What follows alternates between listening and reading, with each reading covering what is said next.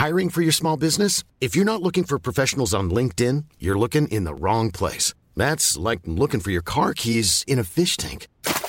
LinkedIn helps you hire professionals you can't find anywhere else, even those who aren't actively searching for a new job but might be open to the perfect role. In a given month, over 70% of LinkedIn users don't even visit other leading job sites. So start looking in the right place. With LinkedIn, you can hire professionals like a professional. Post your free job on linkedin.com slash people today. Hey, I'm Ryan Reynolds. Recently, I asked Mint Mobile's legal team if big wireless companies are allowed to raise prices due to inflation. They said yes. And then when I asked if raising prices technically violates those onerous two-year contracts, they said, what the f*** are you talking about, you insane Hollywood ass?" So to recap, we're cutting the price of Mint Unlimited from $30 a month to just $15 a month. Give it a try at mintmobile.com slash switch. $45 upfront for three months plus taxes and fees. Promo rate for new customers for limited time. Unlimited more than 40 gigabytes per month. Slows. Full terms at mintmobile.com. Even when we're on a budget, we still deserve nice things. Quince is a place to scoop up stunning high-end goods for 50 to 80% less than similar brands. They have buttery soft cashmere sweaters starting at $50, luxurious Italian leather bags, and so much more. Plus, Quince only works with factories that use safe, ethical, and responsible manufacturing. Get the high-end goods you'll love without the high price tag with Quince.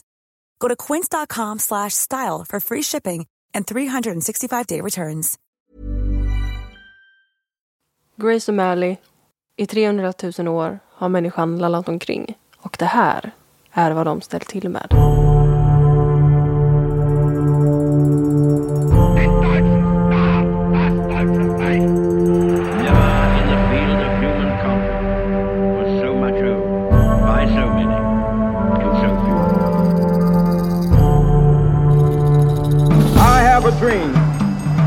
Dallas, Texas, the flash, apparently official, President Kennedy died at 1 p.m. Central Standard Time. That's one small step for man, one giant leap for mankind. Statsminister Olof Palme är död. God eftermiddag. World Trade Center i New York brinner. Nu blir det historia med Dan Hörning och Cornelia Boberg. Under större delen av någon sommar i Richard Binghams liv så hade han varit upptagen med att strida mot skottar. Och stora delen av skottarna var legosoldater som kallades in vid behov. Exempelvis av en klan som Graces första man tillhörde. McMahon-klanen. Alltså de hyr in skottar och slåss tillsammans? Mm, Som med- legosoldater då. De skotska legosoldaterna hade mött ett hårt motstånd från Bingham. Och inte bara hade han mördat flera av dem, utan även deras boskap. Har skottarna med sig boskap till Irland? Det Ja, fast jättebra. käkar dem. Jaha.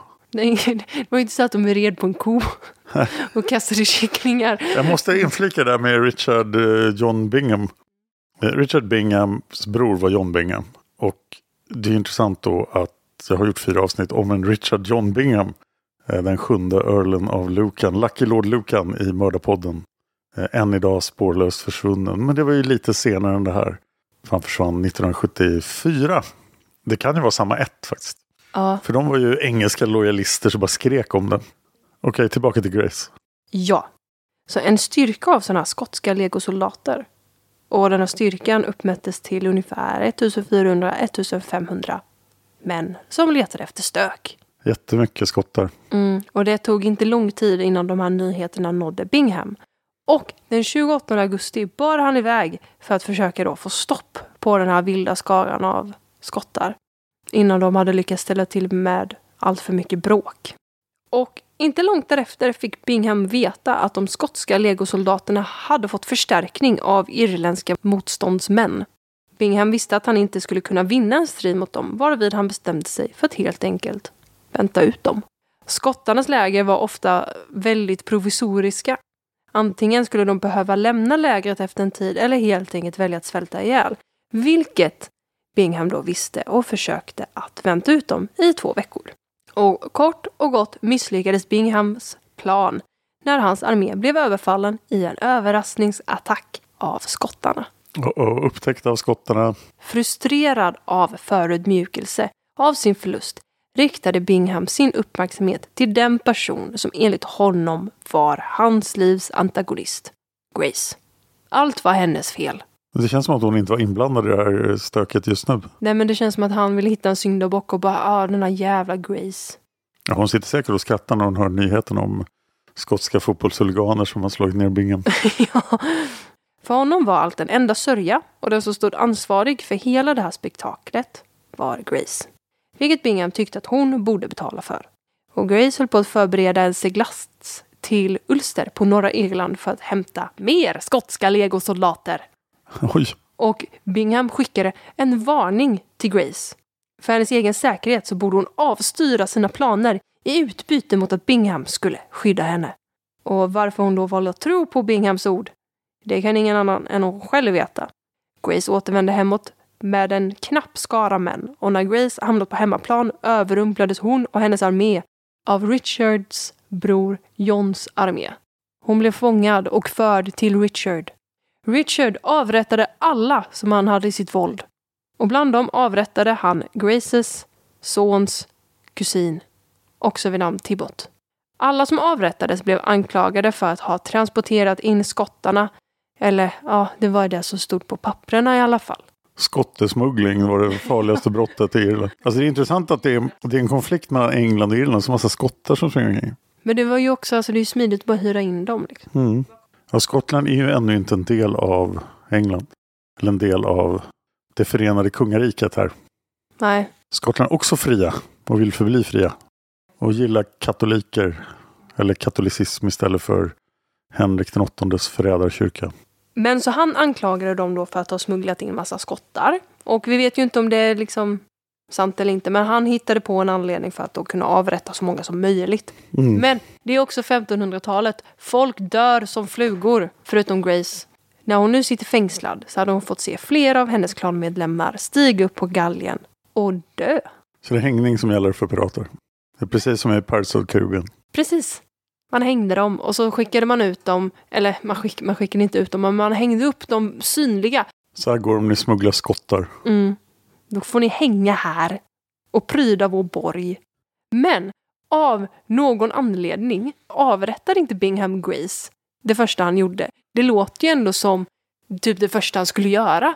Han kanske måste få ut något mer av det, ställa till något spektakel eller något. För det verkar ju som att han planerade att spara det bästa till sist. Alltså att Graces avrättning skulle bli en stor fest för mängder att beskåda. Och äntligen så skulle Bingham få trumfa med sitt S i rockarmen. Och han lät till och med bygga en helt ny galge. Och nu så skulle hon, hon få dö. Och hade Grace kunnat fly så hade hon ju gjort det. Men nu så fick hon bara fortsätta att vara instängd och övergiven. Och så kommer vi till avrättningsdagen. Men det här skulle bli Graces sista dag. Det fanns inte på kartan att Bingham skulle låta något komma i vägen för det som han så länge längtat efter. Eller? Som en blixt från en klarblå himmel så dök Graces styvson Richard Bork upp. Alltså inte personen som hon var gift med utan hans son.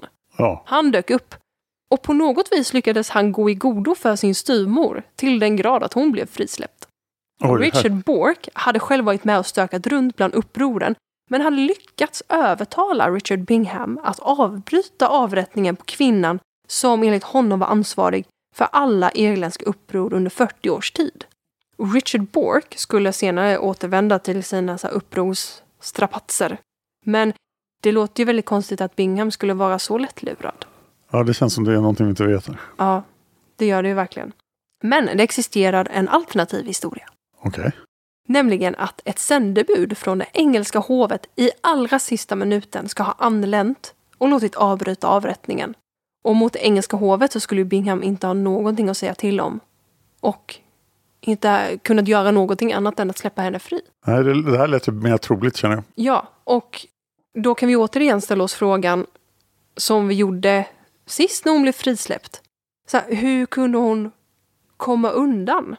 Alltså, ja. alltså Bingham har ju nästan låtit hela sitt vuxna liv gå åt till att jaga Grace och vill att se henne död. Och sen när han väl har henne i sin fälla så bara, nej, han bara släpper henne. Intressant. Mm.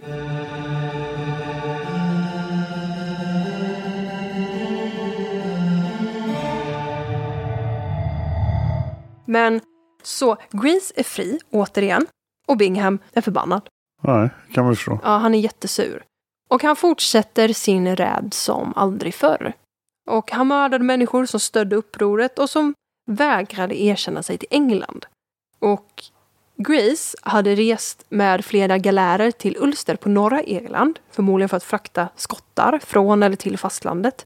På resan uppåt hade en storm brutit ut och flera av hennes galärer hade blivit skadade under stormen. Och under året 1587 så skulle Grace övervintra i Ulster. Och anledningen till att hon övervintrade var, enligt henne själv, att reparationen av alla hennes galärer efter stormen var otroligt omfattande. Det är också troligt att hon vill hålla sig på långt avstånd från Bingham. Och Ulster hade också lyckats hålla engelsmännen borta jämförelsevis med där hon tidigare befunnit sig. Så det känns ganska safe för henne att vara där. Ja, Ulster är i Nordirland så det är väl den minst attraktiva delen av Irland för engelsmännen. Precis. Och nära Skottland som är ju fullt av barbarer enligt engelsmän. Ja. Och efter att ha, att ha levt jävel lite överallt så blev Bingham ställd inför rätta. Men han blev fris, frikänd. Under tiden som Grace hade varit iväg hade maktpositionerna förändrats. Dessvärre till Graces nackdel. Många av klanerna hade misslyckats att upprätthålla ridån varvid engelsmännen hade fått övertaget. Och det rådde oenigheten mellan klanerna och samarbetsförmågan var inte alltid där för att kunna stå emot England.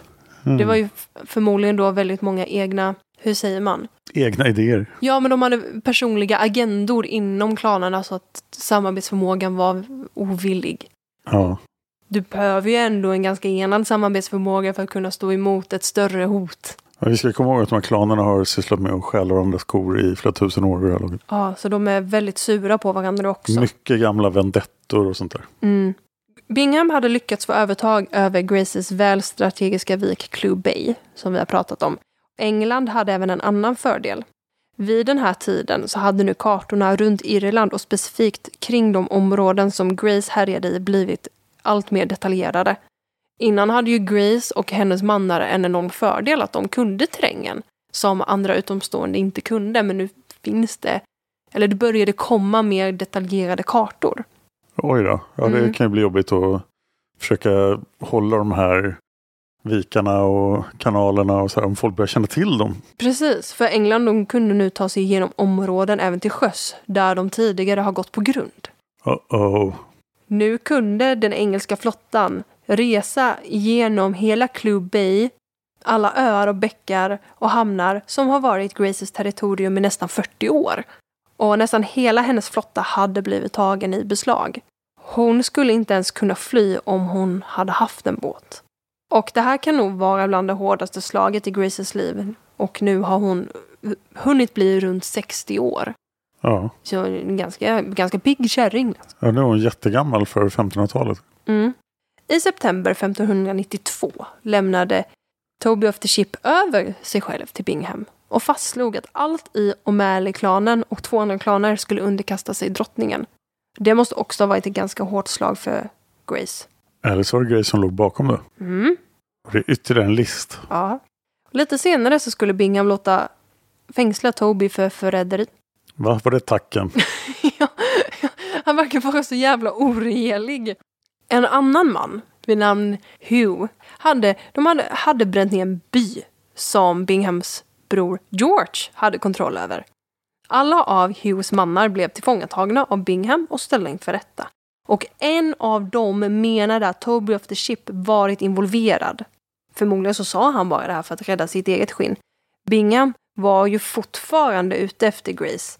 Så han tog ju honom då till fånga. Bingham tog Graces bror Donald Ja, och fängslade honom och åtalade honom för mord. vem hade han mördat? Alltså Richard hittade liksom bara på saker och bara ah, du är åtalad för mord. Förmodligen då för att de använde den här nedbrända byn som en... Mm. För att rättfärdiga att bara, "Ah, nu, nu ska du få vara fängslad hos mig. Brittiskt terrorvälde i Irland. Oh ja. Och Grace visste ju om Binghams natur. Hon visste om att han när som helst kunde få dem hängda och stå till svar för sina egna handlingar senare. För Bingham hade ju faktiskt blivit åtalad tidigare gånger för att han har levt jävel, men blivit friad på oklara grunder. Det enda som Grace kunde göra nu var att söka audiens hos drottningen. Så Grace knaprar ihop en petition med största sannolikhet på latin. Och ljuger som en häst travar gör hon också. Och hon trycker väldigt mycket på att hon är en gammal fredlig tant som inte gör en fluga för när. Och enda anledningen till att hon har bidragit till all uppror på Irland har varit för att försvara sitt folk. Hon hade ju aldrig velat vara pirat. Omständigheterna vid tiden hade inte gett henne något val. För att, och som hon då skriver, att hon hade ju hellre velat sitta hemma vid sin spinnerock och tagit hand om sina barn. Grace förklarade att på Irland så kunde änkor inte ärva sina bortgångna makars mark eller egendom. Och hon ber drottningen så snällt om drottningen inte kunde ge henne ersättning till hänsyn av Graces ålder. Grace vill ju dessutom få sin son Toby of the Ship frisläppt. Och i utbyte då så lovar Grace att hon ska strida för kronan med vapen och eld utan att bli förhindrad av någon. Ja, men så hon lyfter fram i, i den här petitionen att det är så synd om henne för hon är så gammal. Ja. Ja, så kan inte snälla drottningen bara hjälpa henne och få bort Den Bingham? en anständig kvinna kunde göra på Irland var att bli pirat. ja. Petitionen skickades och lästes av drottningen. Och petitioner skickades in till drottningen i mängder. Alltså inte bara från Grace utan från alla, all möjligt folk. Ja, det kan man ju tänka sig. Mm. Och vanligtvis så fick petitioner vänta i veckor, månader eller år innan de fick något svar. Om de ens lästes överhuvudtaget. Men Mm. det är faktiskt anmärkningsvärt hur snabbt Grace fick svar. Säkerligen att någonting i den här arma änkan ute på Irland fångade Elisabeths intresse. Ja, det kan man ju tänka sig. Vad är det här? Mm. En gammal pirattant. Någon gång i slutet av juli 1593 så besökte Grace London. Och Grace kunde egentligen inte ha valt en sämre tid att besöka London. Den spanska armadan hade bara några år tidigare besegrats av engelsmännen och landet var fortfarande i skräck för en framtida invasion. Och pesten terroriserade gator och torg runt om i landet så ingen gick säker någonstans. Pest eller spanjorer. Och när Grace väl fick träffa Elisabeth så var hon också runt 60-årsåldern. Hennes röda hår hade färgats grått av åren, men det var gömt under en väldig peruk. Ansiktet var täckt av smink, ruttna tänder och hon var iklädd en enorm klänning och mängder av juveler som minskade Elisabeths rörelseförmåga.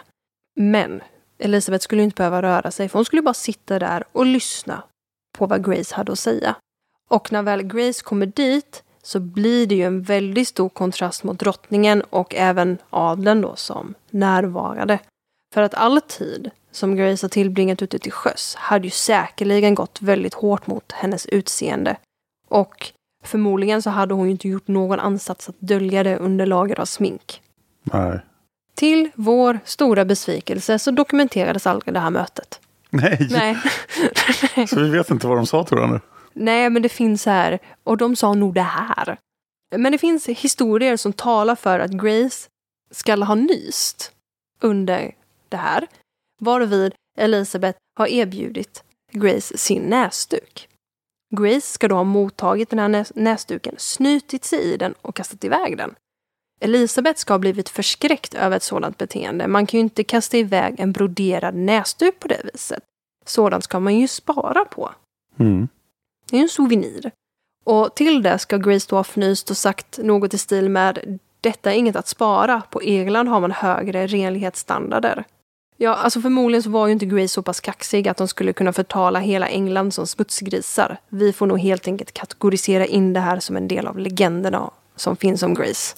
Ja, det känns som att det kan, det har, ja, vad som helst kan ha hänt här. Ja, men det känns ju inte så, så bra att typ komma någonstans och bara hej, jag behöver din hjälp, men du är äcklig. Men vi vet att Grace klarar sig ur det här med livet i behåll i alla fall. Och fick åka därifrån. Men i det här mötet med Elisabeth så hade Grace först och främst vädjat för sitt och Tobys liv och för hennes rätt att leva utan den konstanta rädslan att bli fängslad och avrättad. För alla hennes hästar och boskap hade Bingham tagit. Hennes flotta var beslagtagen och hon själv stod på brinken inför en personlig konkurs. Och hon var ju i en väldigt utsatt position här. Grace skulle ju inte vara så dum att leka kaxig och arrogant. För Elisabeth ombads ju relativt frekvent om audienser och benådningar Så den här tiden var ju ganska dyrbar för Grace. Ja. Och jag, jag tror inte att hon skulle ha slösat tid på en uppkäftig piratkärring som inte kunde bete sig. ja, det låter ändå lite som Grace. Men så det här mötet blir av i alla fall.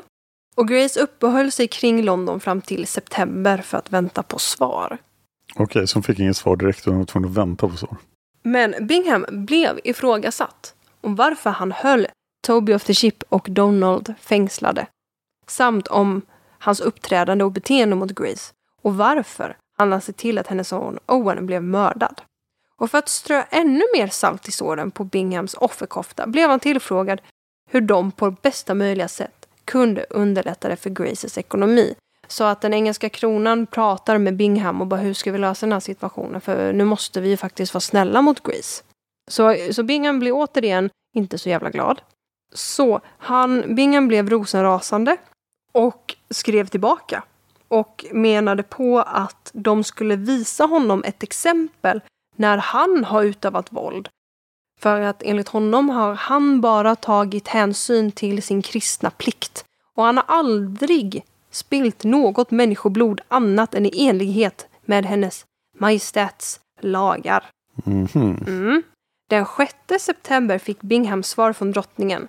Och det var att Tob Toby of the Ship skulle släppas på fri fot. Vad beträffande Grace skrev Elisabeth citat Vi är nöjda, som den gamla kvinnan kommer förstå, med tanke på hennes ödmjuka uppförande. Hon har blivit informerad och blivit avsänd med stor tacksamhet och många löften att hon kommer, så länge hon lever, fortsätta med ett plikttroget arbete och kommer att använda all sin kraft för att förinta och förfölja alla motståndare till oss. Och vad beträffar Graces ekonomiska stöd som Grace ville ha var Elisabeth väldigt tydlig med att Bingham skulle fixa fram det. Det, det lägger hon på honom. Oj. Dessutom beordrades Bingham att till varje pris skydda Grace och hennes familj så att de kunde fortsätta att leva fridfullt i alla sina dagar. Ja, det lät ju som att Grace hade lyckats väldigt bra. Eller att, eller att de har en förbindelse sedan tidigare. Där spioneriteorin låter ju mer och mer Ja. trolig. Ja, eller hur? Det, det gör ju verkligen det för att det går ju så jävla bra för Grace oavsett vad. Så nöjd med sin seger och en kopia av drottningens brev i handen så seglade Grace i slutet av september tillbaka till Irland. Brevet överlämnade hon personligen till Bingham som gjorde allt i sin makt för att undvika allt som påtalades i brevet. Ingenting hände från Binghams håll förrän i slutet av november då Grace sökte upp honom igen och hotat med att skvallra för fröken om Bingham inte lydde order. Och den där hjälpen som Grace erbjöd tackade Elisabeth gladligen ja till. Alltså att Grace skulle strida för den engelska kronan. Men den, Grace tolkade den här dealen lite så som hon själv ville och började härja fritt på hemmavatten som aldrig förr. Gammal vana. Ja. Och med stark motvillighet så släppte Bingham Toby of the Ship. Tibbot, Toby of the Ship, hade blivit så pass dåligt behandlad att han inte kunde stå upp. Bingham hade inte samma flyt som Grace. Hans fiender hopade upp sig över honom till den grad att han var tvungen att ta till flykt till London, där han blev fängslad. Grace fortsatte att driva runt längs kusterna, mest i sökandet efter mat och andra förnödenheter, snarare än rent sjöröveri. När nästa spirande århundrade gör sig till känna verkar det som att Grace försvinner från radarn. Man kan upptäcka henne lite här och var till sjöss, men det är inte så mycket mer än så. Grace hinner få uppleva 1600-talet med nöd och näppe innan hon och 1500-talet gick samma öde till mötes. Vid den anmärkningsvärda åldern av 73 år lämnar Grace livet för att försvinna in i döden. Äldre än Gustav Vasa. Mm. Grace suddades ut från den irländska historieskrivningen eftersom att hon var pirat. Och mycket av den irländska historien var skriven av religiösa munkar och med tanke på att Grace var kvinna så fanns det inte så mycket utrymme för henne att ta plats i. Och därmed så har det ju varit väldigt svårt att precisera årtal och platser för hennes åtagande i livet. Till och med hennes död är svårt att ge exakt information om. Men historiker verkar någorlunda överens om att Grace dog 1603.